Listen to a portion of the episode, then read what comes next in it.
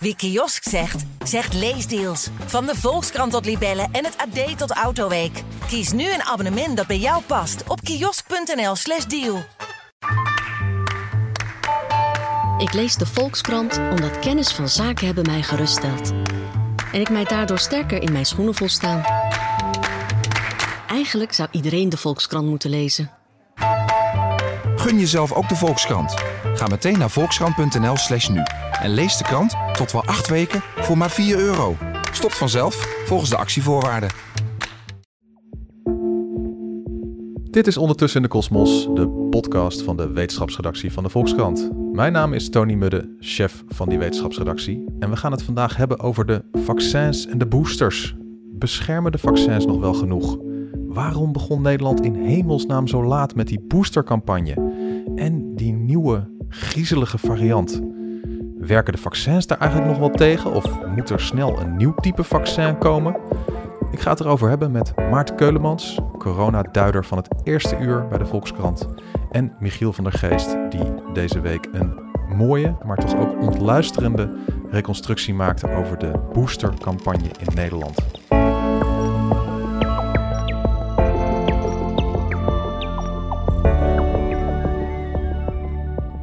Heren, ik ga even beginnen met een fragmentje uit het journaal van deze week. Goedenavond. Het aantal besmettingen in verpleeghuizen loopt weer snel op. Een record aantal locaties kampt met COVID. Je zou denken dat doordat de meeste bewoners zijn ingeënt, er nu minder mensen overlijden. Maar dat is niet zo. De kans op overlijden na besmetting ligt in de verpleeghuizen weer even hoog als tijdens de tweede golf, toen er nog niemand was gevaccineerd. Uh, Maarten, dit, dit klinkt echt bizar. Dan hebben we met z'n allen zo'n hele vaccinatiecampagne opgezet om de meest kwetsbaren beter te beschermen tegen corona. En nu gaan er evenveel mensen in de verpleeghuizen dood aan corona als voordat we begonnen met vaccineren. Wat is hier in hemelsnaam aan de hand? Ja, je kan het niet helemaal zo zeggen zoals, uh, zoals het journaal het hier zegt. Wat, uh, dit is gebaseerd op een onderzoek van de medische dossiers van uh, mensen in het, in het verpleeghuis.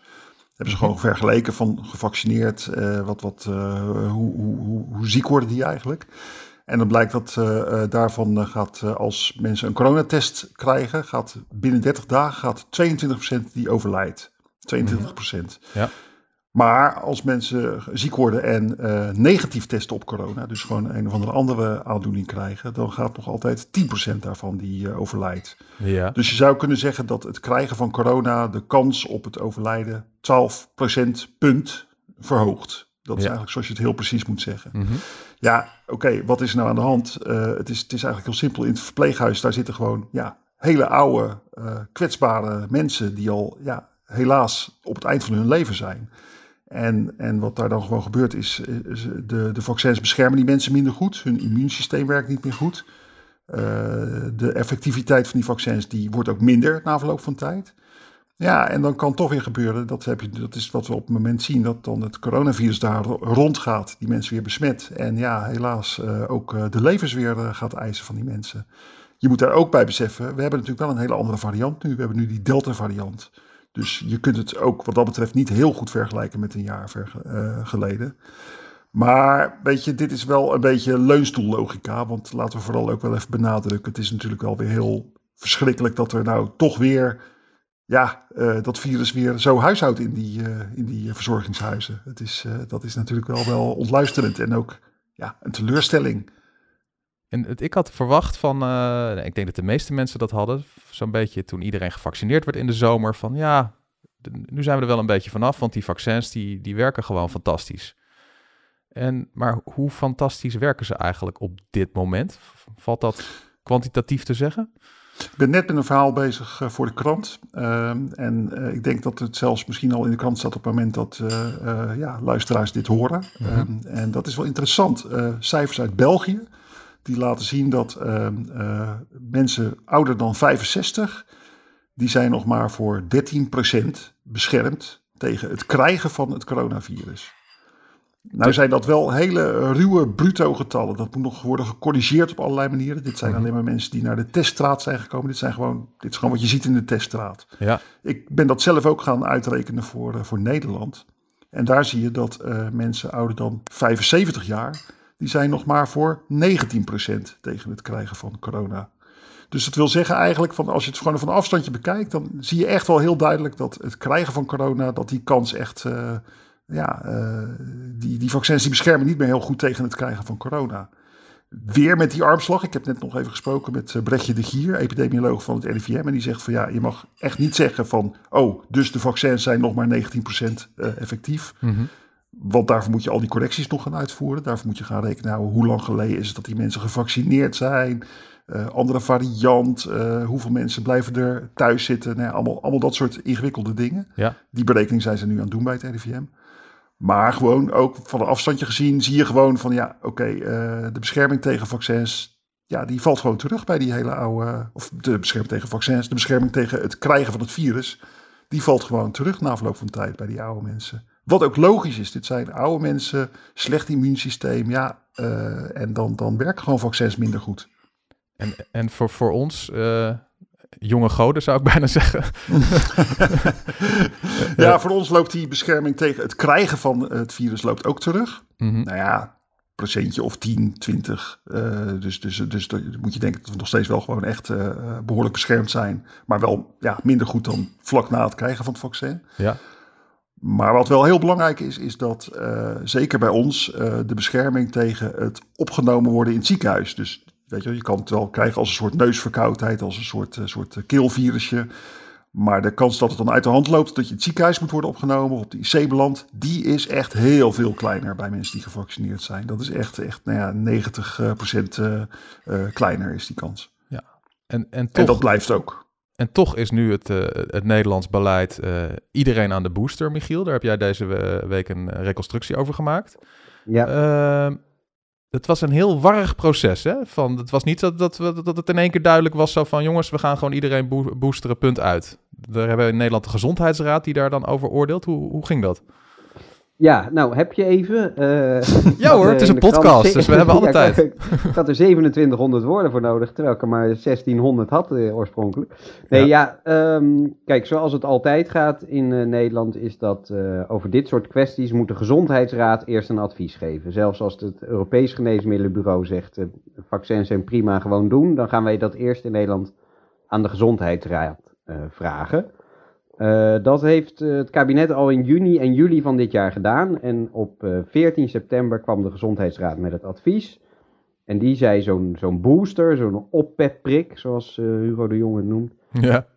die is eigenlijk alleen nodig voor immuungecomprimeerd mensen met een immuunstoornis. Ja. Moeilijk woord. ja. ja, kom er niet uit. En dat zijn er niet zoveel. En eigenlijk moet je het dan niet zien als een boosterprik, maar gewoon als onderdeel van de primaire vaccinatie, omdat die gewoon niet goed reageren op, uh, op vaccins door die immuunstoornis. En op 14 september zei uh, de Gezondheidsraad ook, uh, voor gewone 60-plussers of voor ouderen zien wij nog geen aanleiding om nu te beginnen met een boosterprik. de bescherming tegen ziekenhuisopnames en IC-opnames of overlijden is nog uitstekend. Je moet het ook niet te vroeg willen doen. Uh, het is veel beter om de prikken in te zetten bij mensen die nog niet zijn gevaccineerd, zowel hier als, als wereldwijd. Mm -hmm. uh, dus doe het nog niet. Maar, dat is een belangrijke maar, ja. zei de Gezondheidsraad. Uh, zodra er een dalende trend van de vaccineffectiviteit tegen ernstige ziekten te zien is, moet boostervaccinatie worden overwogen. Dus, en nu parafraseer ik weer, zorg dat alles klaar staat. Ja. Um, dat was 14 september. Best kort en toen waren er nog. Ja, nou, niet zo lang geleden. En toen ja. waren er al wel gegevens uit Israël. Die uh, was al in de zomer begonnen met boosteren. Mm -hmm. Toen bleek dat uh, daar de, de, de bescherming tegen symptomatische besmettingen wel wat aan het afnemen was. Um, nou, zegt de gezondheidsraad daarover. Ja, maar Israël, dat is wel een ander land. Daar was de tussenpozen tussen de eerste twee prikken maar drie weken heel kort. Toen was de Delta-variant er nog niet. Uh, uh, Israël zit behoorlijk in de zak van uh, fabrikant Pfizer. Dus en die heeft er natuurlijk ook baat bij als zoveel mogelijk landen boosterprikken nemen. Dus nou ja, de, allemaal argumenten om de situatie van Israël niet één op één op Nederland te kunnen leggen. Nou, Uh, dat was september. En toen in oktober begonnen toch wel heel veel landen om ons heen al te boosteren. Ja. Uh, werd ook uh, het ministerie een beetje zenuwachtig. Dan zie je dat Hugo de Jonge gaat doen wat hij wel vaker doet. Dan gaat hij gewoon in de via de media eigenlijk druk zetten op de gezondheidsraad en op andere organisaties van ik wil eigenlijk ook die booster. Dus hij zei in de media, alle, de oudste ouderen krijgen bij ons ook een booster deze winter. Ja. En vervolgens vroeg hij opnieuw aan de Gezondheidsraad: kunnen jullie nog eens kijken naar die boosterprik? Want uh, er komen nieuwe onderzoeken en alle landen om ons heen beginnen ook. Nou, dat advies kwam op 2 november. Mm En toen zei de Gezondheidsraad: ja, er zijn inderdaad nieuwe gegevens. Dus het is wel verstandig om nu uh, de uh, ouderen boven de 60 te gaan booster prikken. Um, en uh, ondanks dat uh, het RIVM en de minister meermaals hadden beloofd van op het moment dat de gezondheidsraad zegt wij, uh, wij gaan ook boosteren, staan we er klaar voor. Nou, dat bleek nog niet helemaal zo te zijn. Want nu moeten er hals over kop ook weer het leger en gepensioneerde huisartsen en zelfs dierenartsen worden ingevlogen om iedereen maar op tijd een boosterprik te kunnen geven. Um, en dat begint nu dan eindelijk een beetje te lopen, waarbij we ver achterlopen op. Ja, want ik, ik zag een staatje waarin wij uh, vergeleken met andere Europese landen bungelen we gewoon helemaal achteraan met het aantal gezette boosterprikken. Ja. En, dat, en dat, dat was bij die eerste vaccinatiecampagne hadden we ook zo'n hele slome start. Is, is, is, ja. zijn Nederland, Nederlanders slome starters als het om vaccineren gaat? Wat is, wat is dat toch? Heb jij daar een idee van? Ja. Nou, uh, uh, wat niet meehelpt, denk ik, in Nederland, en da daar zijn ze op het ministerie eigenlijk ook wel een beetje klaar mee, is uh, dat uh, in Nederland echt alles via 27 organisaties moet die aan tafel zitten. Dus mm -hmm. ja, als, als het gaat om een boostercampagne, dan heeft natuurlijk eerste plaats de Gezondheidsraad er wat over te zeggen. Dan moet het RIVM met de GGD en met de uh, thuiszorgorganisaties, de verpleeghuiszorgorganisaties, de ziekenhuizen, de uh, medisch specialisten ouderengeneeskunde, de artsen verstandelijk gehandicapten, de, nou ja, de, werkelijk uh, iedereen die ertoe doet in de zorg, en dat zijn nogal wat partijen, die zit dan aan tafel. Um, en wat ook bijvoorbeeld hoogleraar Jochem Mirau zegt in, in mijn stuk, is van ja, wij. Um, ook de, de Tweede Kamer heeft hier eigenlijk schuld aan. Want het gaat altijd in de Kamer gaat het maar over, uh, over maatregeltjes. En de avondklok een uurtje, een half uurtje later. En de knuffel van Vert Gapperhaus op zijn bruiloft. Ja. Maar het gaat nooit over wat is nou onze strategie? Wat, is nou, wat zijn de doelen die wij willen bereiken? Waar, wat zijn onze beginselen? Waar, waar gaan we van uit bij het bestrijden van het coronavirus? En hij zegt, als je dat weet, als je dat scherp hebt, dan volgen de maatregelen daar eigenlijk uit vanzelf uit. Ja. En dan wordt dat meer een technocratische handeling. Dan wordt op een gegeven moment, als je zegt van oké, besmettingen moet laag, we moeten onze ouderen zoveel mogelijk beschermen. Als er dan gegevens komen van afnemende uh, uh, immuniteit tegen het virus. Um, en de, uh, daaruit volgt eigenlijk logischerwijs later dat, er toch, dat het ook minder beschermt tegen ziekenhuisopnames en sterfte. Oké, okay, dan wordt het op een gegeven moment een technocratische beslissing. We gaan die boosterprikken geven. En als je dan gewoon één organisatie hebt die verantwoordelijk is voor het geven van boosterprikken, ja, dan wordt het wat eenvoudiger om dat in te regelen. Ja, in plaats van 27 organisaties. En die, en in die... plaats van 27 organisaties, ja. en die... Dan heb je gewoon één organisatie die, die uh, sporthallen afhuurt en uh, langs de verpleeghuizen gaat. Ja. En uh, Maarten, hoe zit het bijvoorbeeld met jou, die, die boosters? Zijn die nou echt als iedereen die booster heeft, dan zitten we weer eventjes goed? Of moeten we dan ons eigenlijk ook meteen alweer zorgen maken, want er komt de volgende variant alweer aan? Hoe, hoe zie jij dat? Ja, nou precies. Ik, ik wil toch ook een beetje de advocaat van de duivel uh, spelen. Want ik ben ook heel benieuwd hoe we hier nou over een jaar of zo op, uh, op uh, terugkijken. Mm -hmm. Want het is nu heel snel van, oh ja jongens, allemaal boosteren en dan, dan gaat het weer goed. Maar uh, ik kreeg een heel indrukwekkend uh, mailtje van een lezer van onze krant. En die, die, nou, die werkte zelf, die zat zelf in die ouderenzorg. En die, die zei van ja, wat jullie eigenlijk vergeten is dat waar we in de praktijk mee te maken hebben, is dat hier allemaal vrijwilligers in het verzorgingshuis komen en oppassers en schoonmakers en vo voedselrondbrengers. En dat zijn allemaal van die, van die, van die meiden die ongevaccineerd zijn. Het zijn vaak meiden die zijn allemaal ongevaccineerd, lopen daarmee te koop. Nee, ik ga me niet laten prikken hoor. Wat, mijn vruchtbaarheid, dit en dat. En ik heb Mhm. een filmpje gezien op YouTube. Ja. Ja, weet je, dan zitten we wel die, die ouderen allemaal te prikken. Maar eigenlijk moet je misschien gewoon eens zeggen van... joh, moeten we dat, niet, dat probleem niet eens aanpakken? Want je kunt er donder op zeggen, we gaan die ouderen nu boosteren. En over een maand of drie, vier, vijf... dan hebben we weer hetzelfde probleem. Dan is die werking weer weggezakt. Gaan die ouderen weer allemaal dood. We hebben weer een nieuwe variant dan waarschijnlijk op ons dak. Dus, dus dat is wel een heel eh, lastige discussie, eh, denk ik. En ik ben ook heel benieuwd hoe andere landen hier naar kijken. Maar Maarten, het is toch denk ik, het is toch niet of-of, het is toch en-en dan?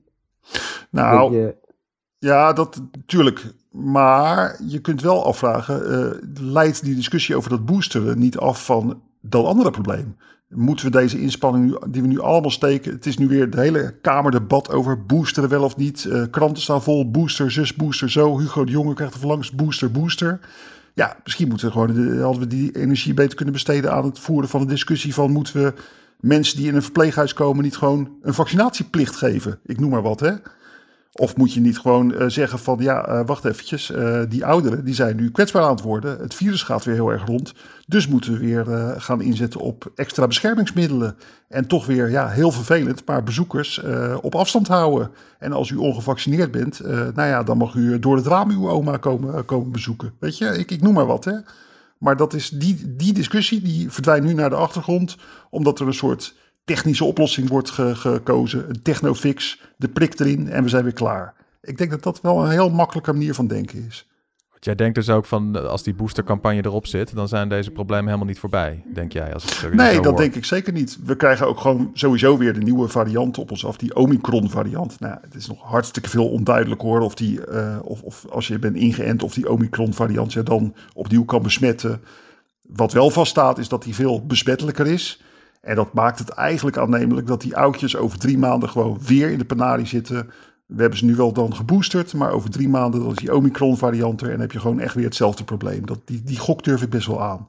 En ja, en dan zit je misschien zelfs nog met het probleem van... kun je ze dan alweer een booster geven? Misschien is het dan wel dat ja, eh, het een argument wordt van... wacht eventjes, dit is veel te kort geleden. Want je kunt die boosters ook niet te snel naar elkaar geven. Ja, waarom eigenlijk Dus niet? ja, waarom, zou niet gewoon, waarom zou je niet elke dag een booster nemen? Gewoon hop, Nou- elke dag even je immuunsysteem van let op, er is ergens een coronavirus, even wakker worden weer. Ik heb het hier vanmorgen over gehad met eh, eh, een immunoloog, eh, Debbie van Baarle, hoogleraar immunologie. En die heeft in ongepubliceerd onderzoek, heeft zij eigenlijk ontdekt dat als je die boosters ja, snel achter elkaar geeft, dan krijg je een verschijnsel dat heet oeh, immuniteitsafname, zeg ik eventjes uit mijn hoofd. En dat betekent dat de, vooral je T-cellen, dus de cellen die moeten beschermen tegen het echt uit de hand lopen van de ziekte, die worden een beetje lui. Die, gaan, die kunnen het niet meer aan, die snappen het niet meer en die gaan eh, afbreken. Die, die worden minder in aantal. Dus je krijgt dan een soort gek effect. Als je heel veel gaat boosteren achter elkaar, dan ben je gewoon op de duur. Zou het wel eens kunnen dat de bescherming tegen, ja, wat je juist wil, die bescherming tegen ziekenhuisopname, dat die wat slechter wordt. Dus ja, dat is een, eh, een, eh, niet te onderschatten risico, denk ik. Dus dat is... Een beetje het verhaal van die jongen die dan op de schapen moet passen en dan de boeren roept omdat dat, dat hij zich verveelt. En dan de boer roept, hé, er is een wolf, er is een wolf. En dan komen ze steeds helpen. En bij de derde keer dat hij dat roept, zeggen ze, ja, eh flikker op, Ja. dat eh, geloof ik niks van. En dan komt de wolf wel. Staat er echt een wolf, precies. Ja, en die wolf die is nu vanuit Zuid-Afrika best wel aan het komen hoor, denk ik. Want die Omicron variant, nou ja, echt. Ik heb mensen, verstandige, rustige mensen als Marion Koopmans en zo, die normaal eh, altijd meteen beginnen te nuanceren. Ja, die, die zijn echt, eh, die maken zich grote zorgen hierover hoor. Maar die, Dus, die, eh, die Omicron, is het Omicron of Omi, Omi, Omi, help. Jullie hebben Grieks Ja, gehad, heren, ik niet. Nou, ik heb, ik heb dit, het- even een side note. Ik heb dit nagevraagd bij eh, een van onze oud-stagiairs. En die eh, wist mij te melden dat het hangt vanaf of je de Eolische dichtkunst aanhangt of de Attische dichtkunst. Ja, ik hang altijd Zo, de Eolische nou, dichtkunst aan. Nou, dan moet je Omicron zeggen. Omicron. Volgens mij is de bottom line dat het niet veel uitmaakt. Maar aangezien iedereen Omicron zegt, eh, is het gewoon Omicron. Dus Maar dat, eh, die Omicron variant, hè?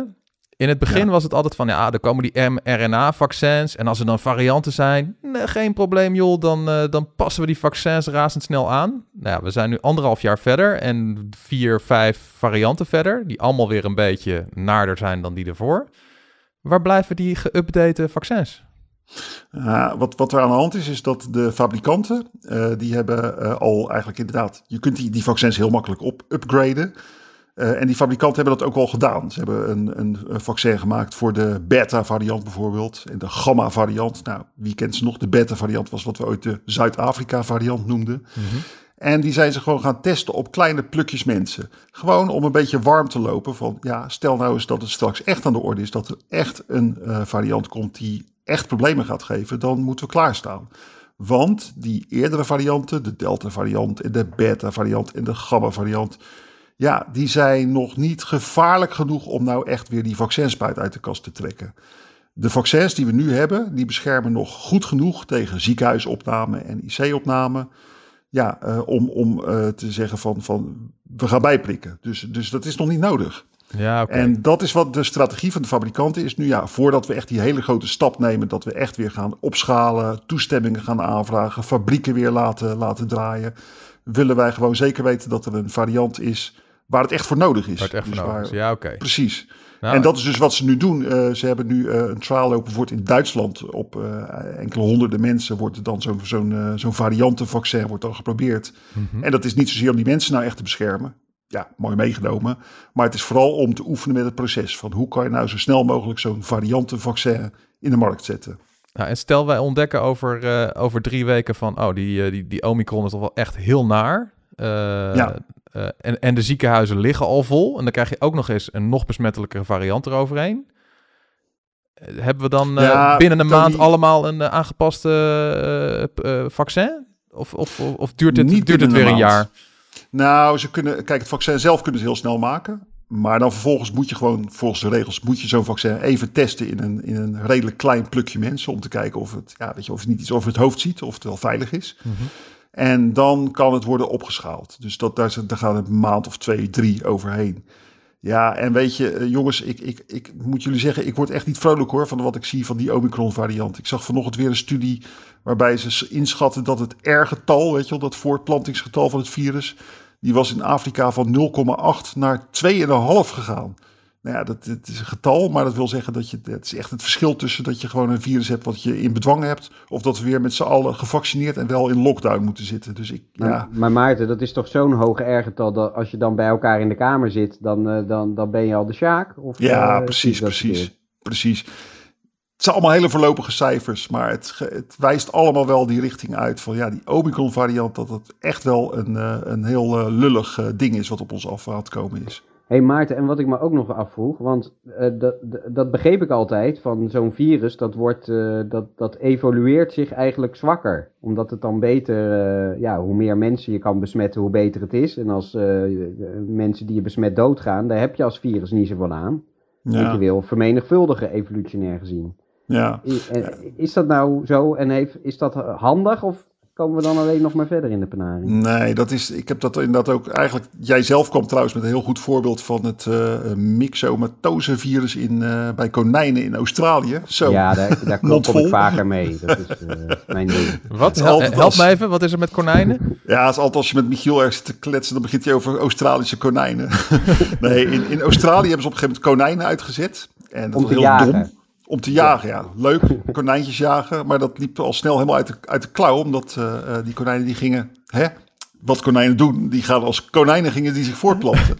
en voor het wist was heel Australië echt overdekt met, met konijnen zo'n beetje. En toen was het, oh shit, we hebben wel erg veel konijnen. Dit wordt een plaag, we moeten iets aan doen. Toen hebben ze het myxomatose virus geïntroduceerd, een konijnenziekte. Ja. Nou, leek goed te gaan, konijntjes gingen allemaal dood. Toen werd het virus, werd wat, uh, werd wat, wat uh, die, die konijnen die wenden aan het virus. Het virus zwakte af, inderdaad precies wat, wat Michiel vertelde. Mm -hmm. En daarna is het ook weer dodelijker geworden. Dus dat is eigenlijk een soort schoolvoorbeeld van dat virussen niet altijd alleen maar zwakker worden na verloop van tijd. Maar ja, zo'n virus die denkt niet na. Zo'n virus uh, is, ja, die plant zich alleen maar voort. En er kunnen omstandigheden zijn waarin een virus de overhand krijgt. Dat ja, de gastheer wel heel ziek maakt, maar dat bijvoorbeeld heel explosief dan eventjes heel kort zich vermenigvuldigt. Uh, weet je, stel eventjes denkbeeldig een virus uh, wat, jou, uh, wat, jou, wat jou doodziek maakt. Maar vlak voordat jij doodziek wordt, is het super besmettelijk en steek je er tien mensen mee aan. Ja, dat is een heel efficiënt virus vanuit een virus gezien. Die kan zich heel goed voortplanten. Ja, ja, ja. Dus het is zeker niet zo dat het virus, maar uh, ja, dat we erop kunnen wachten tot het onschuldiger uh, wordt en onschadelijker wordt. En, en, dan had ik ook nog, want ik dacht ook nog, hè, nu is eigenlijk al bekend dat het in oktober al in Nigeria was. En op die vluchten uit Zuid-Afrika zaten gewoon 30 of 60 mensen die het virus, virus hadden. Dus dan kun je ook denken, ja, misschien is het wel een veel milder virus. En dan maakt het niet zoveel uit als het besmettelijker is, want dan neemt het juist het, het, het zwaardere virus over. Ja, en dan komen er dus minder mensen in de ziekenhuizen. Ja, ja dus een hele goede vraag. Daar zit, daar zit een, een, een lullig stukje logica achter. Zo'n virus wat zich heel snel voortplant.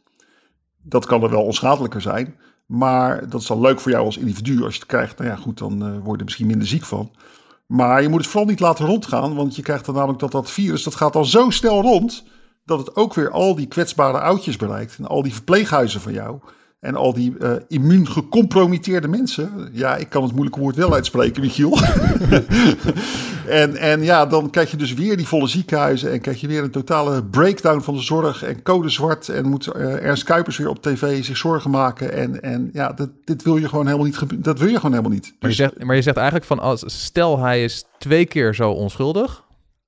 Ja, maar hij, en hij is twee keer zo snel. Hij is twee keer zo snel, dan heb je nog steeds een groot probleem dan heb je nog steeds een groot probleem. Uh, Marido van Zelst, een, uh, is echt een leuke vent is dat. Het is een uh, epidemioloog. Mhm. En die jonge epidemioloog, hij is pas gaan werken bij de Wageningen Universiteit. Die heeft het op Twitter heeft hij dat zitten uitrekenen.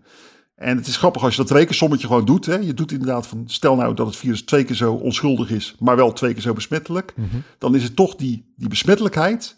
Dat zorgt gewoon voor die versnelling, die befaamde exponentiële groei dat er ineens zoveel besmettelijke mensen zijn, ja, dat, dat overstijgt gewoon uh, uh, het uh, voordeel van dat het minder dodelijk is. Dus, dus ja, het is, kijk, als het hele land vandaag ziek wordt, dan zul je een hele hoop mensen hebben die gewoon naar het ziekenhuis moeten. En dat is gewoon wat je met zo'n zo'n superbesmettelijk virus hebt. Je krijgt gewoon in één keer de klap. Lekker dan. Ik, heren, we gaan weer even naar een fragmentje van een oude bekende uit deze show. Hij heet Tedros. Maar kunnen jullie zijn achternaam ook meteen nu opnoemen? Nou, maar ik wel, Michiel niet. Adamnamon Gebreyesus. Ik weet zelfs hoe je het schrijft. Held. Okay. Zeg eens naam, Michiel. ik, ik mag Tedros zeggen. Adonom Gebreyesus. Ja. Heel goed, heel goed. Blijven oefenen. Every day there are six times more boosters administered globally than primary doses in low-income countries. En wat je daarbij ja. ook nog vaak hoort, is zo van ja, die Omicron-variant, die hebben we gewoon uh, aan onszelf te danken. Doordat wij al die vaccins hier hebben lopen oppotten, hebben we, zitten we daar met een heel continent dat slecht gevaccineerd is. Een virus wat daardoor veel sneller daar rond kan gaan. En ja, dan krijg je die varianten. Dus uh, dit is super stom om nu hier te gaan boosteren, terwijl ze daar nog niet eens een eerste prik hebben gehad. Klopt die reden logica, Maarten? Ja, nou ja, ja en nee. De logica klopt kijk, als je gewoon meer virus hebt in een continent en het gaat meer rond, dat betekent dat het virus zich vaker vermenigvuldigt. En bij elke vermenigvuldigingsstap kan dat virus een beetje mutaties op, oplopen, wijzigingen aan zijn bouwplan. En daardoor krijg je geleidelijk een ander virus. En daardoor ontstaan inderdaad varianten. Dus in algemene zin is het absoluut zo van, ja, weet je, uh, als, jij, als jij gewoon dat virus niet tegenhoudt en geen strobreed in de weg legt, ja, dan kunnen er, uh, heeft het virus meer kansen, meer worpen met de dobbelsteen om toevallig ja, een variant uh, op te werpen. Mhm. Maar de andere kant van dat verhaal is wel dat je nog steeds varianten zult krijgen als iedereen gevaccineerd is. Uh, sterker nog, die uh, Omicron-variant die is waarschijnlijk ontstaan in iemand die misschien al lang gevaccineerd was, omdat die waarschijnlijk is ontstaan in iemand die, daar komt het woord weer, immuun gecompromitteerd was. Deze keer had je er meer moeite mee met het woord. Ja, ik struikelde er even over. Ja.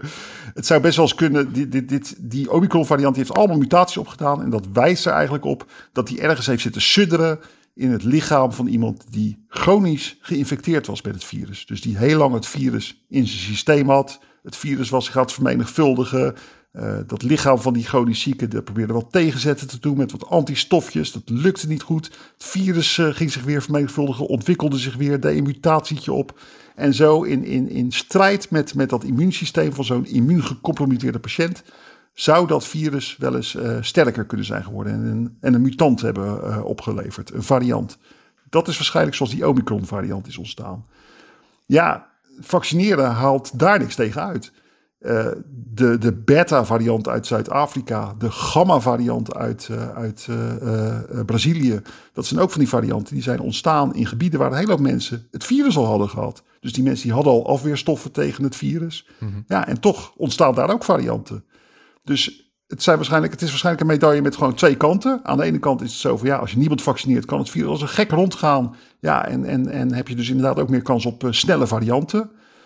Maar als iedereen wel is gevaccineerd, ja, zeg dan niet dat er nooit meer varianten zullen ontstaan. Want die kunnen nog steeds wel ontstaan. En sterker nog, dan komen de varianten boven die ja, wat makkelijker in staan zijn om, om mensen te infecteren die al gevaccineerd zijn of die al besmet zijn geweest. Maar als, om het even samen te vatten, want ik vind het wel echt een heel... De samenvatting is, we're doomed. Ja, We komen Ja, hier nooit is- meer vanaf. Ja, ja, dat- Volgens mij is dat sowieso al twee jaar de samenvatting, eh, Michiel. Dus, Maar ja, dit, dit- dit is, ik bedoel, het is wel echt een heel grimmig beeld dit, hè? Want we hebben dus een heel besmettelijk virus. Dat steeds besmettelijker wordt met elke nieuwe variant die er komt. We hebben vaccins die dan even helpen, met name tegen ziekenhuisopname, maar lang niet genoeg mensen om te voorkomen dat je toch weer eh, in- met problemen in de ziekenhuizen komt. Gaat dit, en dit, bedoel, jij had het net, Michiel, over de, de lange termijn strategie. Van we moeten daar eens fundamenteel over nadenken. In plaats van van incidentje naar incidentje springen. Stel jij zou op de stoel van Hugo de Jonge even mogen zitten. Wat is in hemelsnaam een lange, lange termijn strategie voor dit, dit alles? Vraag je dit nu aan mij? Ja, zeker. Moet ik nu on the spot een lange termijn strategie bedenken Ja. hoe we met corona moeten omgaan? Ja. Nou, In eh, plaats van de hele tijd van die kritische artikelen wel- schrijven over, over, over mensen die verkeerd ermee omgaan. Dan ma- bedenk het maar eens even zelf, Michiel. Ja, had je me wel van tevoren mogen vertellen. Oh ja. ja. jeetje, eh, eh, Tony. Eh, de- ja, ik heb geen flauw idee. Ik, ik, de- de- ik denk, eh, ja, dat is mijn, mijn eh, taak ook helemaal niet. Er zijn veel slimmere mensen die dat veel beter kunnen. Maar ehm, je, je zal, ik geloof dat Hugo de Jonge werd ergens in mei gevraagd dit jaar, van, is er op 1 december nog een coronaminister? Ja, En toen zei hij uit volle overtuiging: nee, dat is dan niet meer nodig. nou, ik denk dat je eh, in ieder geval van die mindset af moet. ja, en eh, eh, ja, eh, moet gaan nadenken over hoe je met dit virus een samenleving bouwt. ja. En dan hopen dat, die, dat het ooit gaat zoals ik, wat, wat ik van Maarten heb begrepen van eerdere coronavirussen, dat dat nu gewoon verkoudheidsvirussen zijn. En dat we geloof ik in 1899 ook een vergeten pandemie hadden, of 1890. Zo. ja, 1890. Ja. Ehm, maar dat je, ja, en, en dus eh, eh, niet moet uitgaan van, nou, nog één, eh, nog één wintertje, nog één golfje en dan is het klaar. Dat je, dat je eigenlijk Dus gewoon je, je hele land erop moet inrichten van... wij gaan dit gewoon nog jarenlang hebben en zeker winterslang nog hebben. Ja, in ieder geval voorlopig. En dat je dus, ik denk ook wel af moet van eh, de, de, de complete lappendeken aan organisaties. Maar dat je misschien iets moet, eh, een, een crisisinstantie moet optuigen. Die eh, in zijn eentje kan beslissen over de coronabestrijding. Ehm, en eh, ja, in de zorg zeggen ze al langer van eh, zorg nou ook dat de capaciteit in de zorg in ieder geval wat wordt opgehoogd. Want nu eh, rennen we wel heel snel tegen onze, onze grenzen op. Ja. Daar moet sowieso veel gebeuren, want eh, alle verpleegkundigen en alle artsen die zijn aan het eind van hun Latijn. Ja, en als we nog jaren hiermee verder moeten. Het virus is nog niet aan het eind van zijn Grieks, dus eh, Nee. Nou, en ik zeg wel eens, kijk, wij kunnen wel klaar zijn met het virus. Maar het virus is nog niet klaar met ons. Mooi, mooi. Zelf bedacht. Nee, maar ja, de, eh, ja, dus ik denk dat je daar toch wel fundamenteel over moet nadenken. En eh, ja, dat de mondkapjes en de afstand en eh, zelftesten en eh, al, al dat soort dingen een veel eh, logischer en natuurlijker plek in ons, eh, in ons dagelijks leven zullen moeten krijgen. ja. Ik zag gisteren een hele leuke, leuk item bij het RTL Nieuws.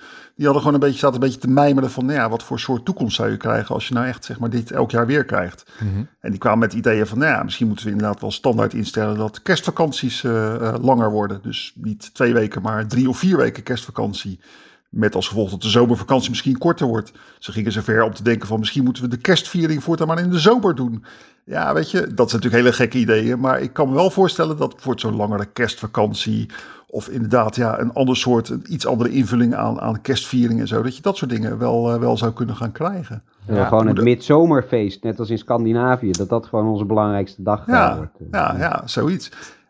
Het is ook het wel is niet zo. heel gek natuurlijk. Dat je van het standaard moment dat alle ouderen met alle gezinnen bij elkaar zitten dicht op elkaar. Van ja, dus regel dat maar in de zomer voortaan. Ja, ja. Het, is, het is wel zo. Ik, ik moet heel erg denken aan een heel visionair, zeg ik nu, heel visionair rapport. Uh, wat, wat afgelopen zomer verscheen van de KNW en de Wetenschappelijke Raad voor het Regeringsbeleid. Mm -hmm. Die hebben gewoon eens nagedacht over die lange termijn scenario's. En die kwamen erop uit dat er eigenlijk uh, twee scenario's echt, uh, ja, één van de twee wordt het waarschijnlijk. Het ene scenario is dat je gewoon inderdaad dat griepscenario krijgt. Dus elk uh, jaar weer een terugkerende griepgolf die dan niet meer zo heel erg is. En het andere scenario is dat het wat grimmiger wordt. Dus dat je elke keer weer nieuwe varianten krijgt en toch wel elke keer weer moet bijboosteren, bijprikken, dat het wat moeilijker wordt.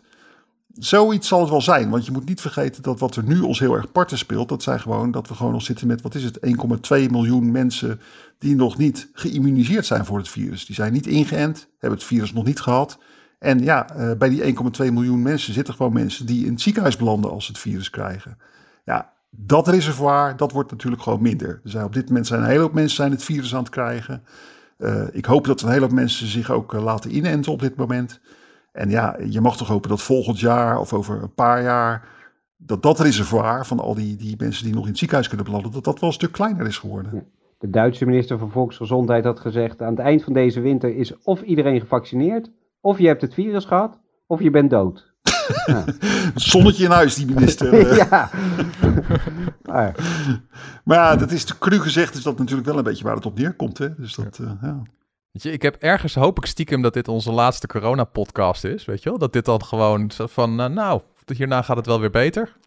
Maar ik vrees dat we elkaar binnenkort weer zien met een nieuwe grimmige ontwikkeling in de coronacrisis. Ja, dus uh, heeft uh, het kabinet te laat ingegrepen bij iets? Ik moet dit nog even, ja, ik, het is zo grappig. Ik spreek natuurlijk in mijn, weet je wel, al die, die experts, wetenschappers.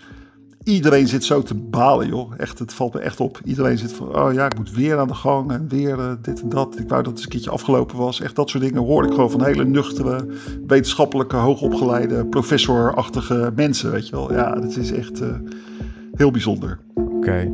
hou de moed erin, uh, heren.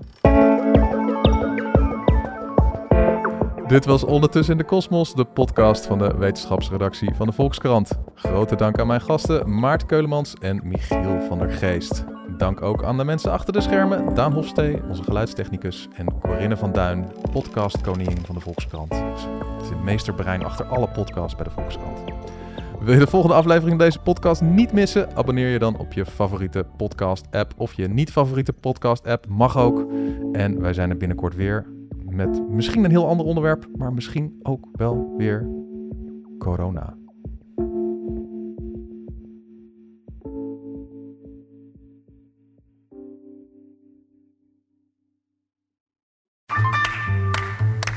Ik lees de Volkskrant omdat ik altijd alle kanten van een verhaal wil weten. En ik nieuwsgierig ben naar de mening van anderen. Eigenlijk zou iedereen de Volkskrant moeten lezen. Gun jezelf ook de Volkskrant. Ga meteen naar volkskrant.nl slash nu. En lees de krant tot wel acht weken voor maar 4 euro. Stopt vanzelf, volgens de actievoorwaarden. Wie kiosk zegt, zegt leesdeals. Van de Volkskrant tot Libellen en het AD tot Autoweek. Kies nu een abonnement dat bij jou past op kiosk.nl slash deal.